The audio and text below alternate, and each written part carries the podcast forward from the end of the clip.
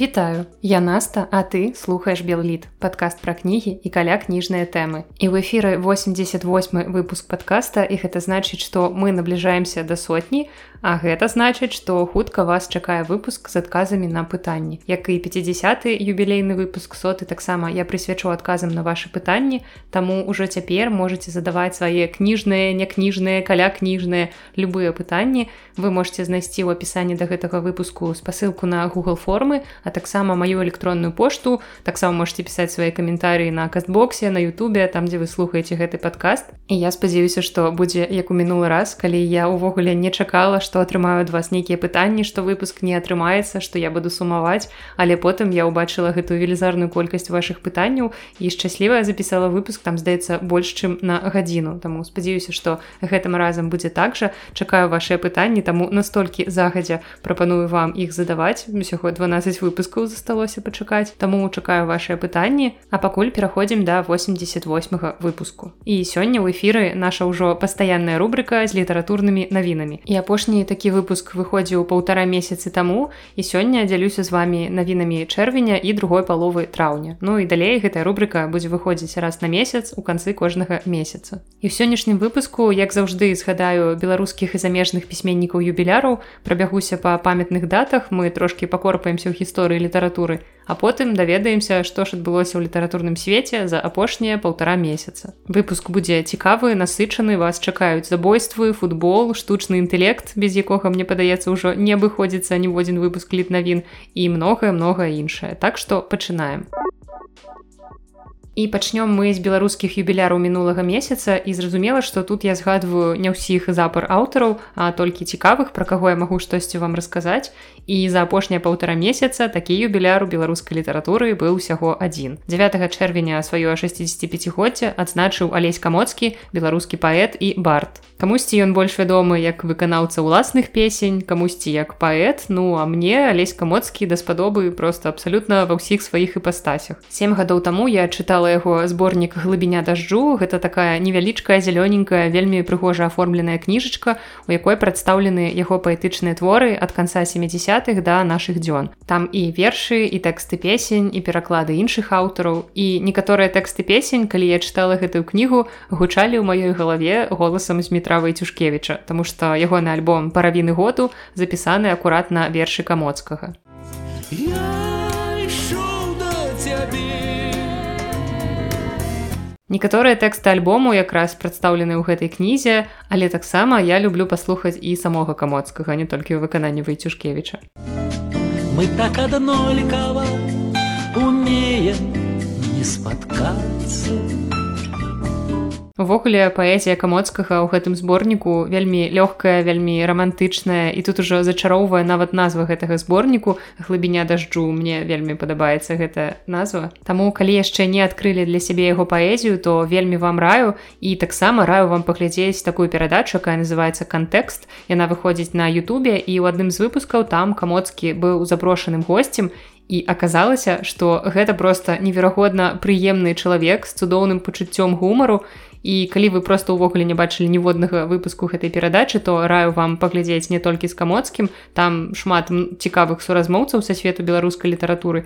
І вы адкрыеце для сябе таксама многіх творцаў з іншага боку не толькі як аўтараў паэтаў пісьменнікаў але і просто як цікавых людзей Цяпер мы звяртаемся да замежных юбіляраў іх ужо было пабольш. Напрыклад 13 чэрвеня споўнілася 135 гадоў з дня нараджэння фернанду песоа гэта партугальскі паэт празаіка і драматург. У гэтага аўтара я яшчэ нічога не чытала, таму гэтая згадка ў гэтым выпуску хутчэй для мяне такая матывацыя не адкладваць яго кнігу кніга непакоя, якая вельмі даўно ў маіх думках яна ўсё чакае свайго часу бо калісьці я яе гартала ў нацыянальнай бібліятэцы і моцна захапілася гэтай кнігай. Сама нават не чакала такога бо я не ведала што гэта за аўтар што гэта за кніга абсалютна выпадковая натрапіла мне ў руки і гэтая кніга гэта такі зборнік афарыстычных выказванняў з якіх складаецца аўтабіяграфія героя якога завуць бернарду суарыш. Ён працуе памочнікам бухгалтара ў горадзе лісабоне і гэта такая адна з альтэрнатыўных асоб самога аўтара фернанду песоа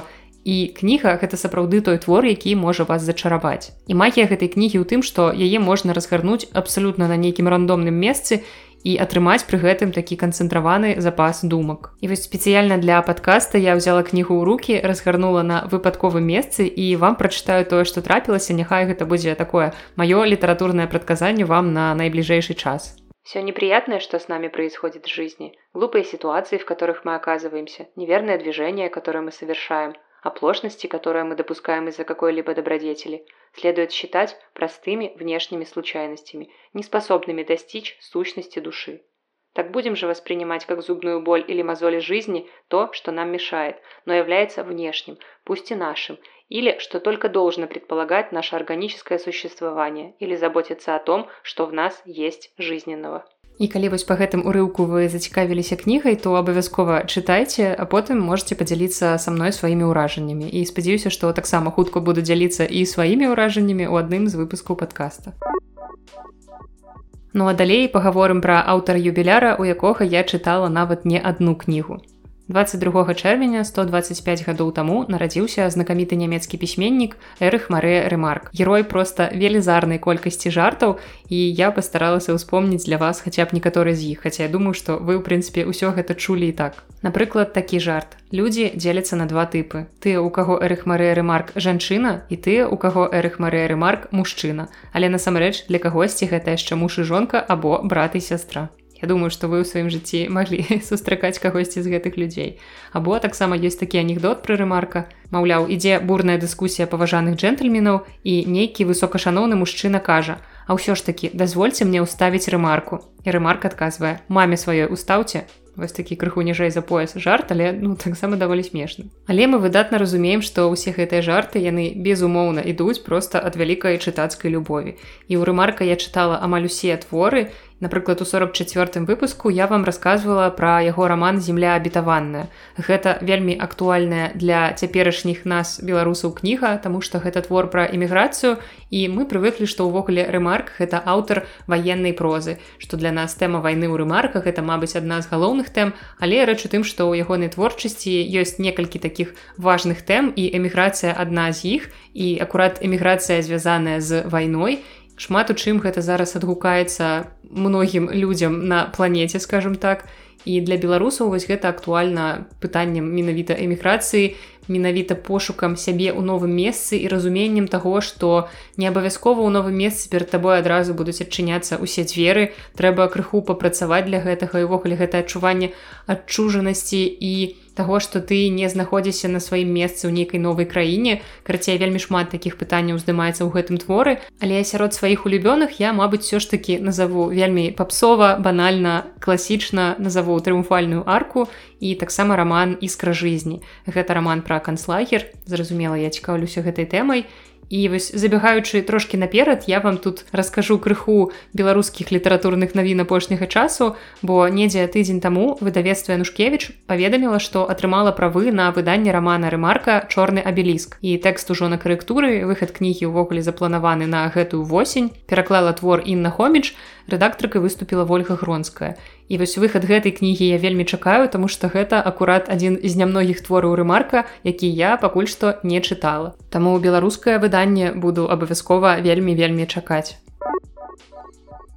Пяройдзем да больш сучаснага замежнага юбіляра 23 чэрвеня сваё 60годдзя адзначыў люцы сінь. Гэта адзін з найвядомейшых сучасных кітайскіх пісьменнікаў фантастаў і сваё знаёмства з гэтым кітайскім аўтарам я пачала не з самай папулярнай яго трылогіі, якая называецца памяць пра мінулае зямлі. Хаця думаю, што вам больш вядомая гэтая трылогія па першай кнізе задача трох цел. А я пачала яго чытаць з адзіночнай кнігі, якая называецца шаравая молния. І я зразумела, што хоць чытала гэтую кнігу не так даўно, але чамусьці ў падкасці я яшчэ не паспела пра яе расказаць. Таму лічу, што юбілей аўтара гэта выдатная нагода, каб гэта зрабіць цяпер. І пачну так здалёк падыходзіць да гэтай кнігі, бо я заўважыла, што ёсць у свеце такія людзі, якія цікавяцца проста мноствам рэчаў. Яны ўвесь час адкрываюць для сябе нейкія новыя заняткі, новыя хобі. Яны без праблем змяняюць від дзейнасці. Яны могуць некалькі разоў на год змяняць працу, змяняць род дзейнасці. І гэтыя людзі яны ніколі не спыняюцца, каб адкрываць штосьці новае. Але ў супрацьвагу такім людзям ёсць яшчэ людзі, якія раз і на ўсё жыццё абралі сабе пэўную справу, якой яны займаюцца пэўную прафесію, напрыклад, і ўсё і далей яны гэтым шляхам ідуць да канца. І наш герой галоўны ў гэтым творы якраз хутчэй акурат мае дачыненне да другой групы. Калі ён быў маленькі ён бачыў смерць сваіх бацькоў. І гэта заўсёды страшна для дзіцяці прычым асабліва калі смерць адбываецца пры такіх вельмі незвычайных абставінах. Рэч у тым што бацькоў чэня забіла шаравая маланка І гэтая прыродная з'ява яна вельмі рэдкая яна да гэтага часу вельмі дрэнна вывучаная і навукоўцы яшчэ не прыйшлі да адзінага меркавання наконт прыроды гэтага феномену. І таму складана адназначна сказаць як гэтая маланка ўзнікае. І некаторыя увогуле лічаць што гэтай маланкі не існуе што гэта толькі нейкая хворая чалавечая фантазія што гэта проста нейкія галюцынацыі. Асабіста мне шаравой маланкай не даводзілася сустракацца але я ведаю людзей якія бачылі яе ці можа быць яны толькі кажуць што яе бачылі. Тут такія тэорыі змовы. Секретные матэрыялы. І на псіхіку хлопчыка гэтае здарэнне зразумела наклала адбітак і чэнь вырашыў усё сваё жыццё прысвяціць вывучэнню шаравых маланак. Але трэба адзначыць што гэты раман гэта не проста навуковая фантастыка але і кніга пра пераасэнсаванне асабістай трагедыі кніга пра прыняцце смерці пра ўспрыманне смерці дзецьмі І яшчэ адна важная тэма кнігі гэта праблема выкарыстання новых тэхналогій, бо мы не заўсёды карыстаемся імі на карысць чалавецтва. Часам мы гэтыя новыя тэхналогіі можам ператвараць у зброю і вось аўтар шмат разважае над тым, як гэтага не дапусціць. Але, канешне, не ўсё так ідэальна ў гэтай кнізе. Яе праблема ў тым, што пры выдатна выпісанай навукова-фантастычнай частцы, хоць я, канешне ж, не навуковец у плане таго, што я не вельмі добра разбіраюсь у фізіцы, мабыць, на такім узроўні, каб казаць, ці праўда гэта ўсё пра шаравую маланку, што апісваецца ў творы ці не. Але кніга даволі нуднай атрымалася ў той частцы якая звязаная з развіццём персонажаў скажем так. Бо тут вельмі класная выдатная тэарэтычная база але вось персонажы і адносіны паміж персонажамі яны не так уражваюць. Тут атрымліваецца што навука выходзіць на першы план але за ёй губляецца вось гэты сюжэт. І як бы так мы даволі шмат даведваемся пра прыроду шаравых маланак з гэтага твору Але ж першапачаткова мы ўсё ж такі збіраліся чытаць мастацкую кнігу няхай навукова-фантастычную, але мы не збіраліся чытаць падручнік па фізіцы. Ну і таксама калі вы як і я не прывыклі да кітайскіх імёнаў, то кнігу вам таксама будзе чытаць даволі цяжка. Я ўвесь час забывала, дзе які персанаж, чаму іх так завуць і мне падаецца, што вось скандынаўскія імёны, таму што я чытаю скандынаўскую літаратуру шмат гадоў Я звычайна лягчэй запамінаю іх хаця яны таксама даволі складаны. Таму я вам раю тут, калі у вас ёсць такая праблема, таксама выпісвайце герояў на паперку, каб потым проста сутаргава не гартаць старонкі кнігі ў пошуках патрэбнага персанажа. Але ў любым выпадку мне спадабалася, што аўтар з такой грунтоўнасцю падышоў да навукова-фантастычнай часткі кнігі і вось потым я яшчэ чытала яго задачу трох цел. Абавязкова раскажу вам пра трылогію цалкам, калі яе дачытаю, але аўтар акурат добра разбіраецца вось у навуцы для таго, каб пісаць такія творы. Ну і таксама вы ведаеце, што я збіраю згадкі беларусі ў творах замежных аўтараў і Беларусь таксама сустракаецца ў гэтай кнізе ў шаравой маланцы. Там ёсць такі эпізод. Русская на отрез отказалась передать результаты работ всей своей жизни иностранцам, чтобы они были использованы против ее родины. Муж заявил, что ее позиция абсурдна. Сам он был родом с Украины, а она из Беларуси. Родина, существовавшая в ее сознании, разделилась на множество независимых государств, и некоторые из них открыто враждовали друг с другом. І яшчэ адзін чэрвеньскі юбіляр класік гэта Джордж Оруэлл, які нарадзіўся 25 чэрвеня 1903 года. Але я думаю, што гэтага брытанскага пісьменніка вам прадстаўляць асабліва не трэба. У 62 выпуску я, дарэчы, спявала оды нечакана не самым папулярным яго творам, такім як 1984 або ферма, А я спявала оды кнізе, якая не такая папулярная, не так часта я чую пра яе нейкі водгукі, гэта твор Down and Out in Paris and London. У рускім перакладзе яна выходзіла под назвай фунты ліха в паріжы і лондоне і гэта мой улюбёны твор брытанскага класіка які мне падабаецца нашмат болей чым яго знакамітая антыутопія хаця я яе таксама люблю. Ну і канешне ж абавязкова прызгацца замежных аўтараў нагадваю калі ёсць гэтыя творы ў беларускім перакладзе і акурат гэтыя творы 1984 і ферма можна прачытаць па-беларуску ў перакладзе Сергея шупы А таксама у адзін дзень і адзін год 21 чэрвеня 1948 года нарадзіліся адразу два вельмі розныя замежныя аўтары. Гэта англійскі празаік Іен Макюін і польскі фантаст Анджей Сапкоўскі. Абодвух аўтараў я не магу ўключыць у лік сваіх найулюбёнейшых, але люблю прынцыпе гэтых аўтараў чытаю і сачу за іх творчасцю. Напрыклад Іен Макюін сярод найбольш значных літаратурных узнагарод мае букераўскую прэмію. Гэта такі даволі значны сучасны аўтар і гэтую прэмію ён атрымаў у 1998 годзе за раман Амстердам.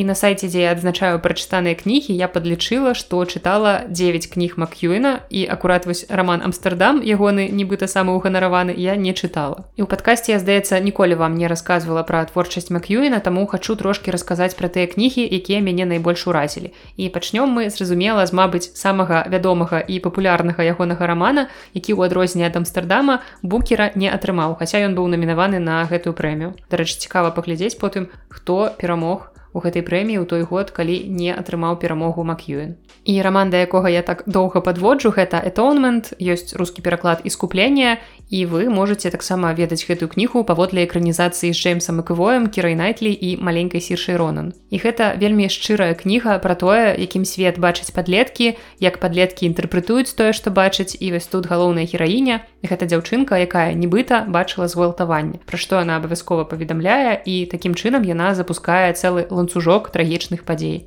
якіх падзей зразумела прачытаеце ў кнізе. Або можете паглядзець фільм ён таксама вельмі добры. На другое месца сярод сваіх прачытаных раманаў макюіна я пастаўлю кнігу закон на дзецях у нас ёсць галоўная гераіня фіёна якая працуе суддзёй і амаль штодзень яна прымае рашэнні якія часам сапраўды настолькі важныя што знаходзяцца паміж жыццём і смерцю. І ў творы асноўная справа якой фіёна займаецца гэта справа 17гадовага адама і у гэтым творы суд адбываецца такое вось цікавае сутыкнення калі вера нейкія рэлігійныя перакананні становяцца супраць закону. І насамрэч я нават магу сказаць што просто супраць здаровага сэнсу яны становяцца. Бо рэчы тым што бацькі адама яны сведкі і іховы і адпаведна сам хлопчык расце выхоўваецца ў гэтай рэлігійнай традыцыі але аказваецца што хлопчык сур'ёзна хворы яму неабходна пераліванне крыві але гэта супярэчыць рэлігійным перакананням сям'і бо сведкі іховы не маюць права не могуць пераліваць кроў А без пералівання хлопчык можа даволі пакутліва памерці і пры гэтым яму ўсяго 17 гадоў. Таму бацькі зразумела вырашаюць за яго ягоны лёс.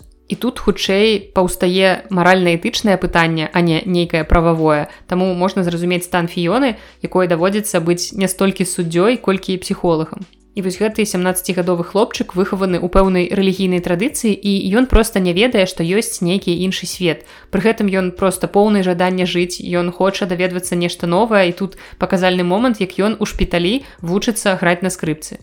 Але тут можна сказаць, што ён проста замбіраваны бацькамі, мае такія вельмі рамантычныя ўяўленні пра смерць і зусім не разумее, што яго чакае пасля таго, як ён адмовіцца ад лячэння ад гэтага пералівання крыві. І безумоўна, у падобнай сітуацыі суд можа пайсці супраць волі бацькоў, калі гаворка ідзе пра жыццё і смерць хлопчыка, але сам ён настойвае на тым, што ён не мае патрэбу аперацыі, ён гатовы памерці за веру. Вось ён так настолькі апынуўся замкнёны ў сваёй рэлігіі. І фіёне трэба будзе прыняць няпростае рашэнне, а для гэтага гэтага яна вырашае самастойна сустрэцца з адамам і шпіталі. Ну і далей зразумела без спойлеру тут ніяк так што чытайце гэты роман самі ён сапраўды даволі цікавы і прымушае задумацца над многімі рэчамі. Як бы банальных это не гучала пра прымушае задумацца але так і ёсць. І яшчэ адзін роман макюена пра які вам раскажу называется в скарлупе Хаця ну паколькі я уже амаль усе раманы макюена прачытала вось яшчэ трошачки і мне падаецца што змагу запісаць асобны выпуск подкаста по яго творчасці такі поўны гайд Ну і вось у гэтым рамане аповед вядзецца ад імя эмбрыёна, што ўжо само па сабе даволі незвычайна. І маці гэтага эмбрыёна разам з палюбоўнікам плануе забойства свайго мужа. І мне падалося, што ў гэтым творы Макюэн выказвае сваё стаўленне да абортаў. Бо эмбрыён у яго гэта разумны, думаючы маленькі чалавек, які разумее, што адбываецца навокал, ён суперажывае, ён цікавіцца навінамі, падзеямі, які адбываюцца ў свеце І вядома, даволі дзіўна, што гэты эмбрыён вельмі начытаны. Ён аперыруе імёнамі літаратурных персанажаў і вось гэта, канешне, выклікае пэўнае пытанне, калі ты чытаеш кнігу. І ў творы Макюэн разглядае праблемы сучаснага свету праз мысленне гэтага эмбрыёна, які ў нейкай ступені адчувае сябе датычным да злачынства, якое плануе вось здзейсніць яго маці. Ён адчувае, што ён такі выпадковы саўдзельнік, хаця і пасіўны. І дзесьці ў інтэрнэце я бачыла водгук чытача, які пісаў, што калі ён чытаў гэты твор, то эмбрыён у яго галаве размаўляў голасам сцюі з грыфіну.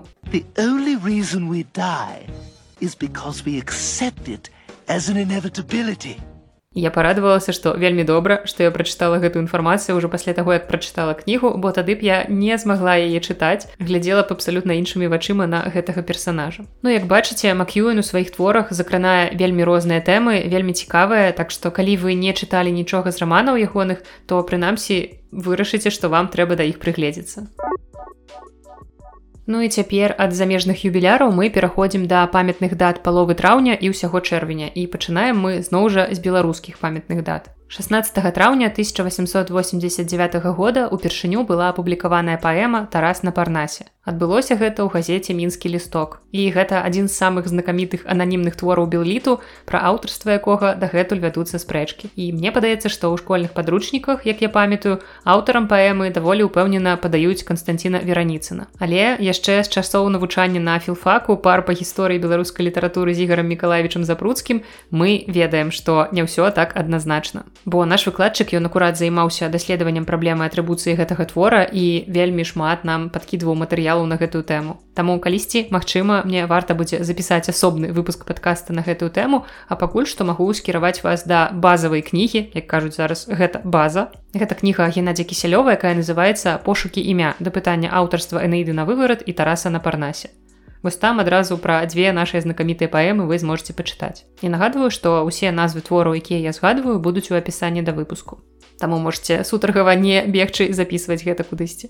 Ну і таксама абсалютна бясплатна аддаю вам проста геніяльную ідэю назвы для беларускамоўнага ЛГБТ подкаста. Тарас на тарасе. Дзякаваць не трэба, просто карыстайцеся, вось такія гумарысты. 18 траўня 1906 года была заснаваная першая легальная беларуская выдавецкая суполка з такой прыгожай і паэтычнай назвай загляне сонца і ў наша аконца. Яна існавала ў санкт-петербургу недзе да 1916 года. І першым, што выдала гэтая суполка, быў ліст напісаны лацінкай з заклікам прыняць удзел у беларускай выдавецкай дзейнасці. Зразумела, што інтэрнэту не было, калі ты ўжо стварыў нейкую суполку, трэба было неяк прасоўваць сваю дзейнасць і тады ўжо былі такія часы, што як бы не напішаш на фейсбуку пацаны гоў суполку я стварыў. І сярод значных выданняў суполкі можна назваць беларускі элемантар або першая навука чытання. Гэта такія першыя буквар на беларускай мове. Таксама там выходзілі першае чытанне для дзетак беларусаў цёткі, дудка беларуская смык беларускі Багушевіча, гапон Туніна Марцінкевіча і таксама пераклад дзвюх былін паэм Міцкевіча панта Дэвуш. Ну і таксама зборнік вершаў купалы жалейка. Як вы бачыце, гэта ўсё вельмі значнае для беларускай літаратуры назвы. І гэта толькі за першы перыяд дзейнасці суполкі з 1906 по 1908 год. І таксама шмат кніг выйшлі на другім этапе дзейнасці суполкі з 1909 по 1913 год. Напрыклад, кнігі купалы, гэта проста куча кніг, адвечная песня, гусляр, сон на кургане, паўлінка, шляхам жыцця. Таксама былі выдадзены вечарніцы Туніна Марцінкевіча і падручнік коласа другое чытанне для дзетак беларусаў. Таксама суполка выдала творы ажэшкі, такія як у зімовы вечар, хам і таксама многія іншыя не менш значныя творы. Як бачыце, гэта быў вельмі плённы перыяд працы, але вось у трэцім перыядзе з 1913 по 1914 ўсё было не так плённа, бо выдавецкай дзейнасці зразумела, як вы можете зразумець па датах, перашкодзіла першая сусветная вайна. З вартых увагі выданняў таго часу можна адзначыць хіба што перавыданне зборніка дудка беларуская Багушевіча. У 1916 годзе годзе кнігай коласа былі спробы аднавіць выдавецкую дзейнасць, але нешта пайшло не так і такім чынам выдавецкая суполка плённа праіснавала ажно 9 гадоў і падарыла нашай літаратуры мноства важных кніг. Ну а таксама прыгожы выраз нам падарыла, якім можна падтрымліваць сябе ў любой незразумелай сітуацыі, бо я ўпэўнена, што сонца абавязкова загляне. Яшчэ адна важная для беларускай літаратуры падзея адбылася 26 траўня 1926 года. Бо ў гэты дзень было заснавана літаратурна-мастацкае згуртаванне ўзвыша, якое праіснавала да снежня 1931 года. Гэтае згуртаванне заснавала група былых сяброў літаб'яднання маладняк. І вось я записываю вам гэты выпуск, а ў галаве я пачынаю проста ставіць сабе такія птушачкі, што трэба запісаць асобны выпуск пра нашы ананімныя паэмы. Наступная птушачка трэба запісаць асобны выпуск пра літаратурныя згуртаванні. Але пасля пачынаю задавацца пытаннямі, што дзе мне ўзяць столькі часу і сіл. Гэта проста так думкі ў голас не зважайце.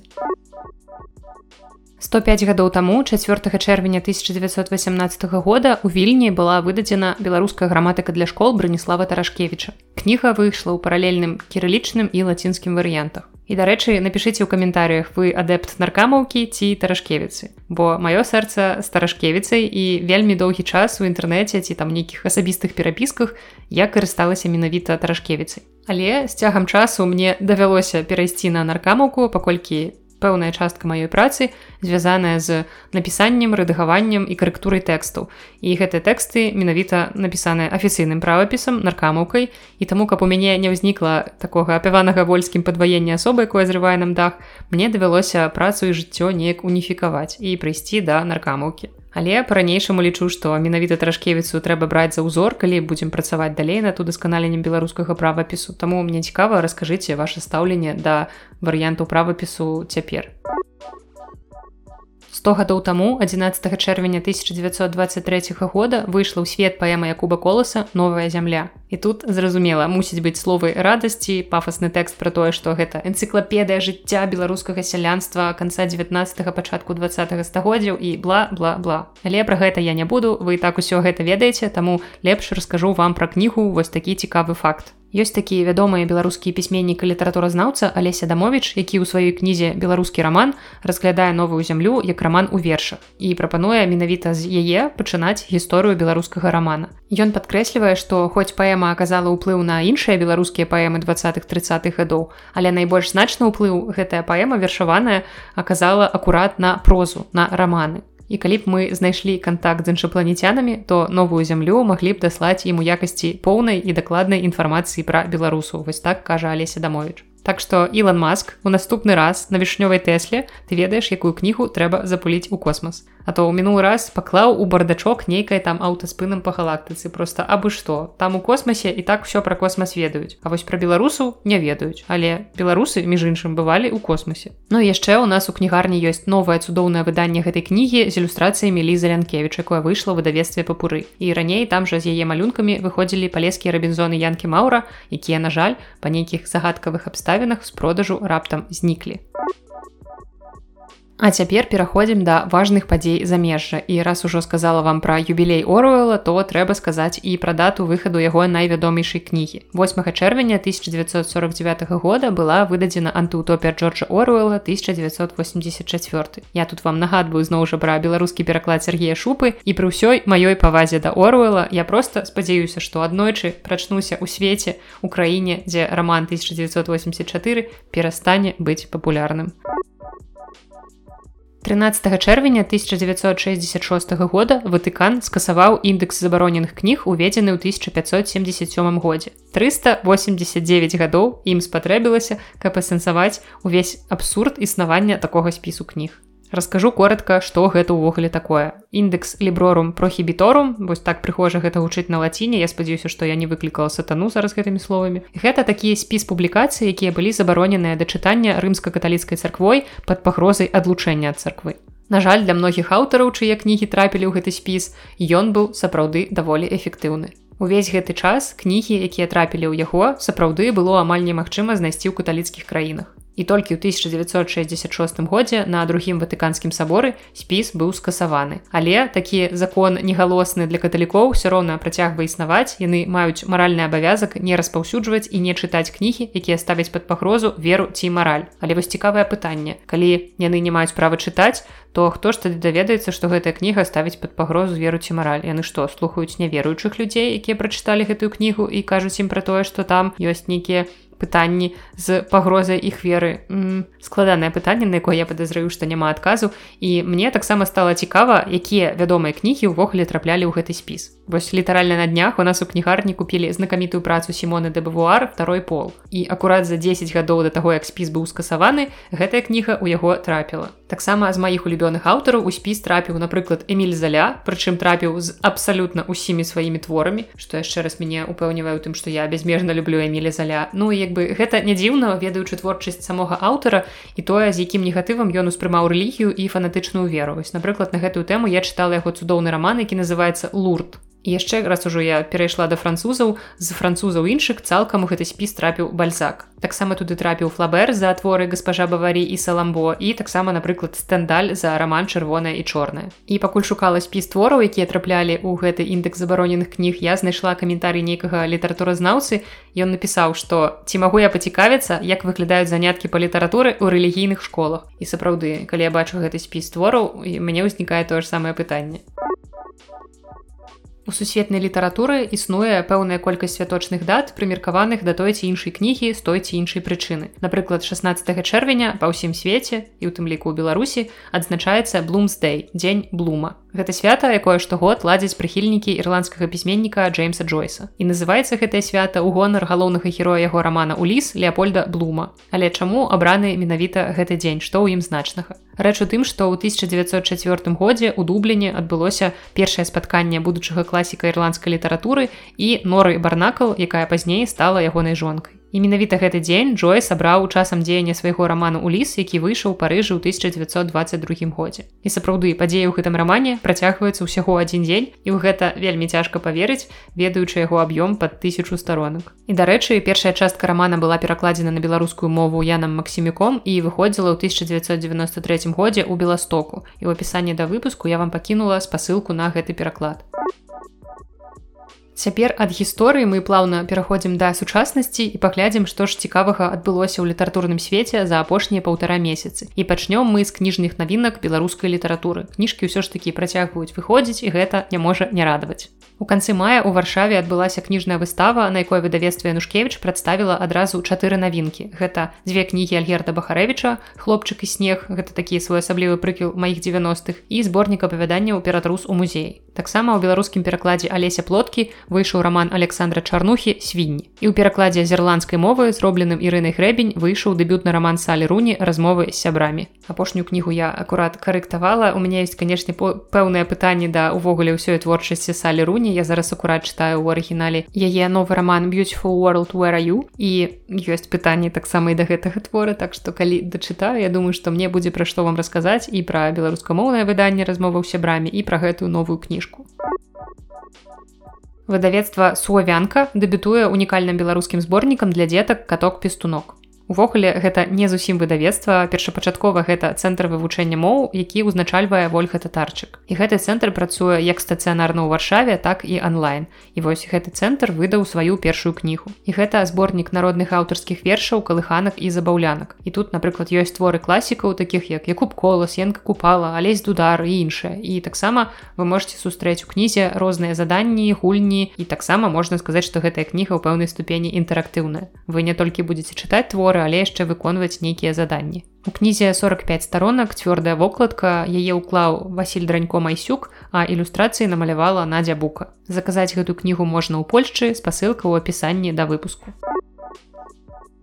У выдавецтве тэхналогія выйшлі адразу дзве кнігі пра францыска скарыну. І ўсе яны ўжо ёсць у продажы ў нас у кнігарні кніжная шафа спасылкі на пакупку ў апісанні. І першая кніга для дзяцей яна так і называецца скарына дзеткам, яе аўтарка Тацяна сапега, а мастачка Марыя каралёва і ў кнізе змешчаны займальныя заданні якія прысвечаны жыццю і дзейнасці нашага першадрукара. Другая кніга для дарослых яна называется на што хварэў скарына і напісаная ў выглядзе доследу вядомага беларускага доктара рэуматолага мікалая сарокі пра хваробы першадрукара. Асабліва другая кніга мне падаецца гучыць максімальна інтрыгуюча прынамсі я не сустракала чагосьці падобнага яшчэ ў беларускай літаратуры так што абавязкова пачытаю яна невялічка і раскажу вам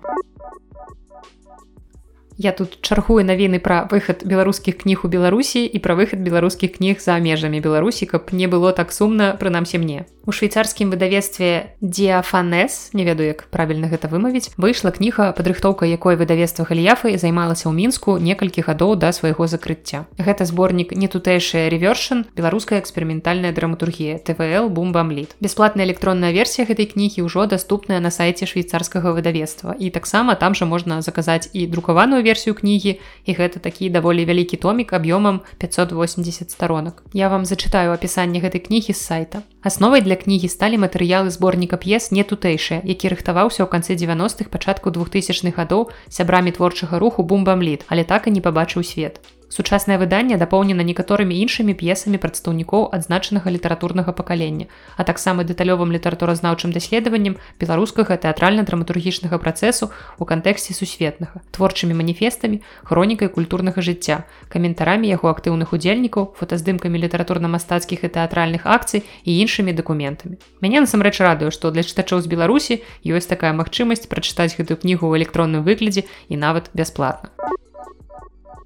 І навіна пра яшчэ одну беларускую кнігу, якая з'явілася ў інтэрнэце. У вольны доступ выкладзены беларускамоўны варыянт кнігі кандыдата медыцынскіх навук Андруся Белавешкіна, якая называецца воля да жыцця. Назва чамусьці мяне адсылае да творчасці Віктора Франкла, але Андрусь Белавешкін гэта беларускі доктар, які вядомы дзякуючы сваім блогам пра здаровы лад жыцця. Кніжку вы можете знайсці па спасылцу ў апісанні, так што чытайце і будьце здаровыя. 29 чэрвеня у праскім выдавецтве вясна выйшла кніга Фелікс аксёнцаў. Марнатраўны сын. Тэксты песень беларускіх рок-гуртоў 1987 для тых хто не ведае Фелікс аксёнцаў гэта паэт былы удзельнік гурта ўліс аўтар слоў да песень трох іх першых альбомаў і таксама да альбома зацьменны блюз гурта крама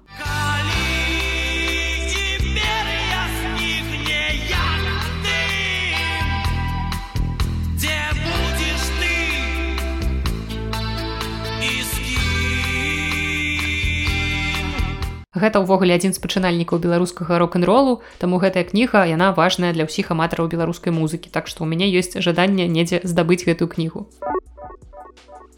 І яшчэ трошкі навін з беларускага кнігадрукавання за мяжой. У адным з папярэдніх выпускаў літ навін я вам ужо рассказывала пра новае берлінскае выдавецтва Хохрот мінск і яго паэтычныя навінкі. І вось у іх з'явілася яшчэ тры паэтычныя навінкі. Гэта Ганна Комар са зборнікам вызвалі або бяжы, Артур камароўскі зборнік я і ёсць забаронены сцяг і ольга злотнікова з кнігай наперадзе толькі лес. Гэтыя кнігі можна заказаць у Геррманіі ці па Еўропе. Падрабязнасці вы знойдзеце ў апісанні цыкл галасы утопіі Святлана Алексеевич цяпер і ў фармаце аўдыа. І першая кніга ў вайны не жаночы твар ужо апублікавана як аўдыакніга. Гэта супольны праект міжнароднага саюза беларускіх пісьменнікаў і інтэрнэт-бібліятэкі камунікат. І ў слухачоў ёсць магчымасць пазнаёміцца з аўтарскай рэдакцыяй серыі кніг у найноўшым беларускім перакладзе. Сама Алексеевич скасавала цэнзурныя праўкі, далучыла новыя эпізоды і таксама старонкі з уласнага дзённіка. І ў гэтага праекта проста выдатны акцёрскі склад гэта Олег Гарбус, Алена Баярова, Сергей Чуб і Крысціна Дробыш. Я думаю, што калі вы сочыце за навінамі беларускіх аўдыакніг у апошні час, вы ведаеце ўсе гэтыя імёны. Ну і таксама калі вы сочыце за тэатральным жыццём, таксама імёны для вас не новыя. Слухаць гэтую аўдыокнігу можна бясплатна па спасылцы ў апісанні і таксама будзем чакаць выхаду наступных аўдыакніг. Як заўсёды у маіх літнавінах ёсць такая рубрика без каментарыяў і сёння ў гэтую рубрыку трапіла наступная навіна прэзідэнт Украіны Владзімир Сяленскі падпісаў закон, які забараняе імпарт кніг з Беларусій ва ўкраіну. Ну ладно, каго я падманваю, без каментаряў ўсё ж таки не атрымаецца, бо мне насамрэч шкада ўкраінцаў. Яны так і не даведаюцца, на што хварэў скарына.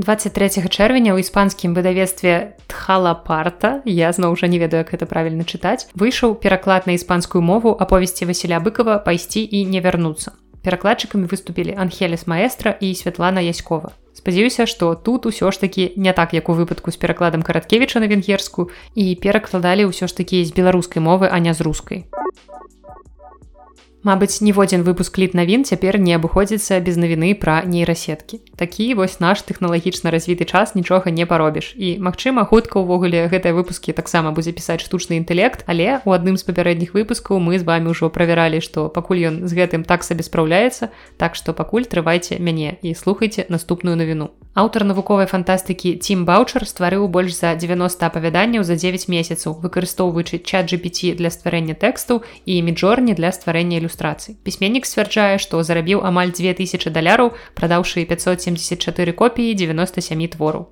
У інтэрв'ю Newsweek ён расказаў, што кожнае апавяданне змяшчае ад дзвюх да 5000 слоў, да іх далучаецца таксама прыкладна 40-140 фота і на іх стварэнне ён траціць 6-8 гадзін. Як мне падаецца, што гэта выдатная ідэя для стартапа, толькі пакуль гэтым не карыстаюцца ўсе. Але чым больш людзей будзе авалодваць гэтым, чым больш будуць прасоўвацца нейрасеткі, тым менш унікальнымі будуць станавіцца падобныя гісторыі. І тым радзей нешта такое будзе трапляць у навіны. Я не асуджаю падобнае, я толькі захапляюся вынаходлівасцю гэтых людзей.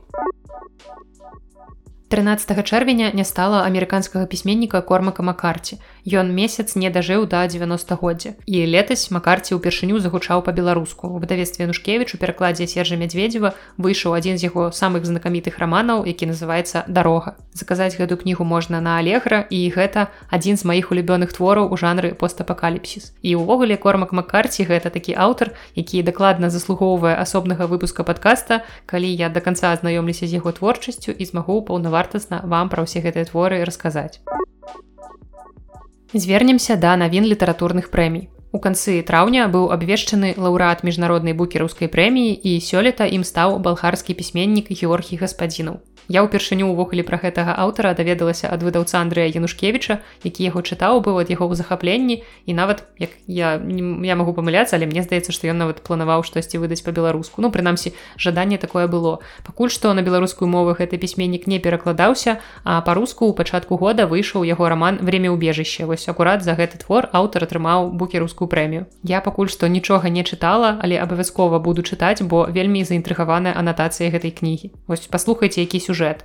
Паводле яго таямнічы амбіцыйны містыфікатар Гаустын адкрывае першы ў свеце цэнтр вяртання мінулага. Ён так і называецца. Установа прапануе вельмі незвычайны метад лячэння пацыентаў з хваробай альцгеймера, бо тут кожны паверх будынка з дакладнасцю ўзнаўляе тое ці іншае дзесяцігоддзе. І такім чынам ён дазваляе людзям уваскрэсіць успаміны здавалася б назаўжды страчаныя. Апавядальнік у творы, які з'яўляецца памочнікам Гаустына, ён ахвотна ўключаецца ў гэтую гульню і пачынае збіраць пэўныя абломкі мінулага. ад мэблі 60-х гадоў гузікаў кашуль царакавых да парфумы, якая ў людзей выклікае прыступ ностальгіі. Але чым больш пераканаўчай становіцца інсцэніроўка, тым больш здаровых людзей пачынае звяртацца ў клініку, каб вырвацца з тупіку паўсядзённага жыцця, нават калі яны не маюць праблемаў такіх як хвароба альцгеймера. І будучыня проста ўжо нікога не прыцягвае, усе мараць вярнуцца ў мінулае. Такая, як мне падаецца вельмі актуальная кніга пра памяць, пра страчаныя шансы пра немагчымасць вярнуць мінулае. Гэта тэма якія мяне апошнім часам даволі шмат цікавіць так што мяркую кнігу я буду чытаць задавальненнем. Ну улічваючы тое што яна ўжо ўханараваная прэмія ўжо ёсць пазнака пэўнай якасці на ёй І цікава, што я амаль нічога не чытала з балгарскай літаратуры. З апошняга асэнсаванага магу прыгадаць толькі кнігу англійскі сусед Михаіла Вешыма, якая выходзіла ў перакладзе Тацяны Анікенкі ў выдавестве лохвіну і гэта кніга якую я заўсёды раю людзям пакуль яна яшчэ ў нас у кнігарні прадавалася раіла яе для ўзняцця настрою. Сапраўды гэта такі вельмі прыемны смешны твор. Таму калі у вас ёсць магчымасць яго прачытаць дастаць недзе то абавязкова звярніць увагу на гэтага балгарскага аўтара жанчыну якая напісала кнігу пра смутак пасля смерці мужа абвінавачваюць у яго забойстве І тут вы можете абурыцца маўляў що за жэсце нам тут прынесла ў выпуск але насамрэч я лічу што навіна звязаная з літаратурай абсалютна непасрэдна. Рэч у тым што пасля смерці мужа ў мінулым годзе пісьменніца куры рычанс напісала дзіцячую кнігу пра гора. І цяпер яе абвінавачваюць у забойстве мужа. У траўні яе арыштавалі ў штаце юта і прад'явілі дакументы аб атручванні яе мужа смяротнай дозай фентанілу ў іх доме ў невялікім горным гарадку. Пракуратура сцвярджае што рычанс патэлефанавала ў паліцыю сярод ночы ў сакавіку мінулага году каб паведаміць што яе муж эрик рычанс холодны навобмацак гэта цытата. Маці траіх дзяцей распавяла афіцерам што яна замяшала свайму мужу нейкі коктейль з гарэлкай каб адсвяткаваць продаж дома а потым пайшла супакоіць аднаго з іх дзяцей у спальні. І пазней калі яна вярнулася яна зразумела што муж не рэагуе і тады яна патэлефанавала ў службу 911 а пазней судмедэксперт выявіў у яго арганізме смяротную дозу фентанілу. У дадатак да абвінавачвання ў забойстве рычанс таксама прад'яўлены абвінаваць абвінавачванні ў нібыта захоўванні GHB або гама гідроксі буцерата гэта прэпарат ад наркалепсіі які вельмі часта выкарыстоўваецца ў тусовачных месцах напрыклад у клубах. Абвінавачанні заснаваныя на камунікацыі афіцераў з рычынцу тую ноч і на аповедзе неназванага знаёмага які сцвярджае што прадаў ёй фентаніл былі прад'яўленыя праз два месяцы пасля таго як рычынс з'явілася на мясцовым тэлебачанні з рэкламай ты са мной Гэта кніга з малюнкамі, якую яна напісала, каб дапамагчы дзецям перажыць смерць блізкага чалавека. Ну і адвакат Рычанс адмовілася каментаваць абвінавачанні. Не ведаю, ці сапраўды жонка тут вінаватая ў смерці мужа, але мяркую, што падобныя гісторыі ўжо сустракаліся ў свеце літаратуры, калі нейкіх пісьменнікаў абвінавачвалі ў злачынствах, якія тыя апісалі ў сваіх кнігах. І сапраўды яны здзяйснялі гэтыя злачынства апісаны. Ну і ў сувязі з гэтай гісторыяй мне таксама прыгадваецца аўтарка адной з налепшых кніг, што я чытала за апошнія гады гэта Дэлія Оуэнс і кніга там, дзе ракі паюць супер папулярны бестселлер апошняга часу. Я думаю, што неаднаразова ў падкасці пра яе расказвала адзін раз вельмі падрабязна дык дакладна і паводле сюжэту гэтага твора адбываецца забойства у якім акурат абвінавачваюць галоўную гераіню. І вось нейкі журналіст насамрэч раскапаў падобную гісторыю з жыцця самой аўтаркі. Па амерыканскім канале ABC у 90-х годах паказвалі дакументалку пра выратаванне слоноў з сапраўдным забойствам чалавека ў кадры якое магчыма здзейснілі аўтары дакументалкі. І вось такую версію прадюсары зацвердзілі з чалавечым трупам у кадры і гэта паказалі па тэлебачанні але забойцаў дагэтуль не знайшлі. І адбывалася гэта ўсё ў замбіі. І галоўныя падазраваныя ў забойстве гэта аўтары той самай дакументалкі марк і дэлія оуэнс Як вы бачыце знаёмае імя тая самая пісьменніца, бо яна з мужам прыехала ў афрыканскую краіну з праведнай місіяй гэта выратаванне слоноў ад браканьераў і карумпіраваных афрыканскіх чыноўнікаў. Аднак ўсё ж такі так здарылася, што гэты фільм запомніўся не такой добрай высакароднай місіяй, а сапраўдным забойствам. У браканьера спачатку ў кадры нехта страляе, а потым яго караюць смерцю. І пасля шуміхі ў прэсе ўрад замбіі быў шоку ад таго, што іх краіна паказана як месца, дзе людзям проста дазволена забіваць браканьераў, таму таму паліцыя пачала расследаваць забойства, а гэты праект Оуэнсаў быў прыпынены. Аднак все ж таки справа зайшла ў тупік, бо па-першае цела так і не знайшлі, бо яго пакінулі ў джунглях, каб жывёлы маглі пазбавіцца ад яго. А па-другое, сям'я Оуэнсаў паляцела назад у ЗША адразу пасля гэтага меркаванага злачынства. І калі праз чвэрць стагоддзя Дэлія Оуэнс выпусціла сваю кнігу, то некаторыя журналісты тут ужо пачалі задумвацца, як шмат там паралеляў з яе ўласным жыццём. І да таго ж кніга выглядае і як спосаб павініцца ў забойстве і як спроба яго апраўдаць. Не ведаю, ці раскрыецца калісьці праўда, але на шчасце ўражанне ад кнігі яна мне ўжо наўрад ці сапсуе ад навін забойстваў пераходзім да навін туалетаў. Гэта вельмі сур'ёзны падкаст з важнымі кніжнымі навінамі. Не пераключайцеся і ставце лайк калі таксама карыстаецеся прыбіральней штодзённа. Ну і калі вяртацца да сур'ёзнага то ў сярэдзіне мінулага месяца з'явілася навіна пра тое што японскія даследчыкі выявілі маўляў прынамсі кожны дзясяты жыхар краіны адчувае жаданне схадзіць у туалет апынуўшыся ў кнігарні. І больш за ўсё ад гэтага пакутаюць жанчыны і маладыя людзі да 30 гадоў Паводле адной з версій гэта абумоўлена сувязю мозгу і кішэчніка. Бо людзі часта выпрацоўваюць звычку чытаць у туалеце, таму з часам могуць узнікнуць суадносіны паміж чытаннем і патрэбнасцю дефікацыі. Акрамя таго, такі эфект можа з'яўляцца праз трывогу, звязаную са знаходжаннем у месцы з велізарнай колькасцю інфармацыі. І гастраэнтэролагі тлумачаць, што нервовасць можа выклікаць праблемы з кішэчнікамі. Ну насамрэч у мяне, напрыклад, падчас хвалявання заўсёды неспакойна ў жываце. Перад любымі экзаменамі было гэта ва універсітэце ці перад нейкімі важнымі значнымі страшнымі падзеямі заўсёды я ведаю што кішэчнік мой будзе неспакойны. І гэтае жаданне схадзіць у туалет падчас наведвання кнігарні назвалі феноменам марыка аокі. Гэта японка першая пісала падобнае пачуцце ў эсэ і аказалася што яна не адзінока ў сваіх адчуваннях.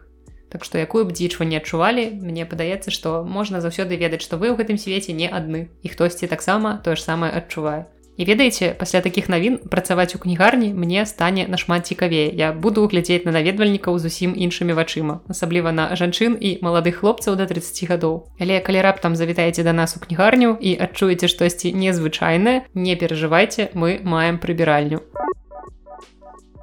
Ліст толкіна да прыхільніцы прадалі на аукцыёне за 20 з паловай тысяч даляраў. Гэты ліст пісьменнік даслаў 28 чэрвеня 1955 года сваёй прыхільніцы, якая першай даслала водгук на раман валадар пярсцёнку. У апісанні лота на сайце аукцыёну падаюцца такія звесткі. Гэта характэрны ліст, у якім ён апісвае сябе як хобіта і распавядае пра тое, наколькі яго стамляла праца па напісанні шэдэўра. І таксама ў гэтым лісце Толкін расказвае, што хацеў бы жыць у бязлюдным месцы і таксама піша, што ў сілу далей будзе цытата нясмеласці і адсутнасці схільнасці да авантур канец цытаты. Ідэя адмовіцца ад звыклай ежы і тытуню выклікае ў яго толькі трывогу. Гэта вельмі нагадвае апісанне хобіта піша сам толкі. І пры гэтым ён адзначаў, што не можа прэтэндаваць на тое, каб лічыцца адным з прадстаўнікоў гэтай расы. Таксама ў лісце Толкін піша, што напісанне валадара пярсцёнка ўдалося яму з такой цяжкасцю, што праца над гэтым раманам нагадвала ўзыходжанне на гару ў цяжкіх ботах супраць моцнага ветру ў цемры. Ну ведаючы аб'ёмы кожнай з трох кніг, мы можам зразумець, што так сапраўды гэта было няпроста і была прароблена велізарная праца. І акрамя таго, на тым жа аукцыёне былі прададзеныя яшчэ тры лісты Толкіна, якія адрасаваныя той жа прыхільніцы і агульны кошт лотаў перавысіў 48 тысяч даляраў я просто задумалася што ў сучасных пісьменнікаў з такім могуць узнікнуць праблемы бо як будуць выглядаць навіны будучыні вось толькі падумайце што скриншоты тэлеграм перапіскі вядомага аўтара прадалі на аукцыёне за 5 біткоінаў трошки адпачылі на вясёлых навінах і пераходзім да навін беларускага кнігавыдання Як вы ведаеце, яшчэ ў студзені дырэктар выдавецтва кнігазбор паведаміў пра канчатковае спыненне дзейнасці выдавецтва. І 28 чэрвеня ў сваім фейсбуку ён напісаў, што ліквідацыя выдавецтва пачала выходзіць на фінічную прамую і ён пачаў збіраць з інтэрнэт-кнігарняў непрададзеныя кнігі. Але насамрэч яшчэ колькі кнігазборускіх кніг ёсць у нас у кніжнай шафе, так што паспееце купіць, але канешне ж навіна гэта агулам цалкам вельмі сумная. Сям'я народнага пісьменніка Беларусі Івана Чыхрынова абвясціла збор сродкаў на выданне збору твораў пісьменніка. 21 снежня 2024 года споўніцца 90 гадоў з дня яго нараджэння і сям'я пісьменніка захадзя клапоціцца аб тым, каб гэты святочны дзень прайшоў дастаткова ўрачыста. Таму менавіта да гэтай даты яны хочуць выдаць у выдавецтве тэхналогія збор твораў аўтара ў пяці тамах. І туды ўвойдуць усе яго творы і некаторыя п'есы ўвогуле будуць выдавацца ўпершыню. Так што ў апісанні я пакіну спасылку на гэтую навіну, у якой якое вы знойдзеце рэквізіты, па якіх зможаце фінансава дапамагчы справе. Віцебск атрымаў больш за 60 кніг з бібліятэкі марка шагала. Урачыстая перадача кніг ад унучак мастака адбудзецца 7 ліпеня ў музеі марка шагала і гэты дзень абраны ў сувязі з днём нараджэння мастака. Дарэчы, кнігі гэтыя няпростыя, а кнігі гэтыя з графікай самога шагала. І дарэчы, проста такое пытанне ў голас, мастаком якой нацыянальнасці унучкі лічыць дзеда. На ўсходніх могілках мінска усталююць помнік з метраку бядулю. Ужо ёсць здымкі, як гэты помнік будзе выглядаць. Яго аснова гэта асіметрычная гранітная пліта, якая нагадвае ніву пад ветрам. На ёй размешчана рэльефная бронзавая выява бядулі. Дарожка каля помніка будзе з брукаванкі, якая сімвалізуе няпросты жыццёвы шлях пісьменніка. Эскіз распрацаваў скульптар Сергей Губілеўскі. Існуе такі стэеатыпны факт, што спартоўцы звычайна нічога не чытаюць і ўвогуле рэдка бываюць надта адукаваныя. І тут я хочу сказаць, што тыя спартсмены, з якімі мне даводзілася сустракацца ў рэальным жыцці, яны ў асноўным былі даволі разумныя з шырокім кругаглядам і з любоўю да літаратуры. Ну і насамрэч тыя знакамітыя спартоўцы, за якімі я сачу, яны таксама не раз абвяргалі гэты стэеатып. Напрыклад, даволі даўно я чытала аўтабіяграфію сэра Алекса Ферхюсона, які 26 гадоў узначальваў мой любёны футбольны клуб Манчестер Юнайтед United. з гэтай аўтабіяграфіі я даведалася што сэр алекс просто вельмі адукаваны чалавек ён цікавіцца гісторыяй. У прыватнасці ён шмат чытае пра забойства кеннедзі вось ён прызнаваўся што гэта яго улюбёная гістарычная тэма. Таксама зараз чытанне прапагандуе іга свёнтак гэта польская тэнісістка першая ракетка свету. І яна есть такая пэўная акцыя 12 кніжак якія чытаем цэлы год з ёю. І яна кожны месяц расказвае пра пэўную кніжку. І вось нядаўна я яшчэ наткнулася на одну прыемную кніжную навіну якая таксама звязаная з манчестер юнайтед. Маркус рашфорд нападнікам ю зборнай англіі прапагандуе чытанне сярод брытанскіх школьнікаў. Спартсмен пры падтрымцы нацыянальнага фонду пісьменнасці падарыў 50 тысяч кніг дзецям у самых бедных раёнах англіі. Сам маркус паходзіць з беднай сям'і і яго маці працавала на трох працах каб утрымліваць 5 дзяцей. І сёння футбаліст ужо даволі добра зарабляе і шмат гадоў падтрымлівае дзяцей якія знаходзяцца ў той жа сітуацыі у якой і знаходзіўся ён таксама калісьці 25гадовы футбаліст таксама з'яўляецца аўтарам кніг. І паводле яго слоў сваю першую кнігу ён прачытаў толькі ў 17 гадоў. І ён лічыць што гэты момант змяніў яго погляды на жыццё і ён бы хацеў каб іншым дзецям не давялося чакаць так доўга. Пісьменніцкі дэбют рашфорда гэта кніга ты чэмпіён яна напісана сумесна з журналістам карлам анкам. У 2022 годзе яна нават атрымала брытанскую кніжную прэмію у самай важнай катэгорыі кніга года гэта такое кіраўніцтва для маладых людзей у якім рашфорд паказвае як рэалізаваць свой патэнцыял каб дасягнуць поспеху з дапамогай гэтай кнігі футбаліст хацеў дапамагчы дзецям і падлеткам умацаваць упэўненасць ва ўласных сілах і ў тым што нават калі ты вырас у беднасці ты ўсё роўна можаш змяніць свой лёс. І таксама ў 2021 годзе футбаліст заснаваў кніжны клуб Маркус Рашфорд Бук Клаб. І вось гэта насамрэч цудоўна, што людзі, калі дасягаюць вось такіх пэўных вышыняў, яны не забываюць пра свае карані, дапамагаюць іншым людзям, якія знаходзяцца ў горшай сітуацыі. Сёння ў нас атрымаўся доўгі выпуск, але за гэтыя паўтара месяцы назбіралася сапраўды шмат цікавых навін, хацелася расказаць вам пра ўсё. Таму падзяліцеся, калі ласка ў каментарыях, якая навіна вам спадабалася найбольш. А ўсе згаданыя кнігі і спасылкі на іх пакупку можна знайсці ў апісанні да выпуску. І там жа Google формы і электронная пошта, куды вы можете мне пісаць, або проста нейкія пытанні да выпускаў, або пытанні да нашага новага кніжнага клуба Анягош, або пытанні да юбілейнага сотага выпуску подкаста. І таксама там у апісанні ёсць спосабы падтрымкі гэтага подкаста і я дзякую бязмежна ўсім людзям, якія яго падтрымліваюць. Ну а на сёння гэта ўсё. У наступным выпуску літ навін мы з вами сустрэнемся праз месяц, а ў звычайным выпуску сустрэнемся ўжо праз тыдзень. З вами была Наста і падкаст Белліт. Да сустрэчы.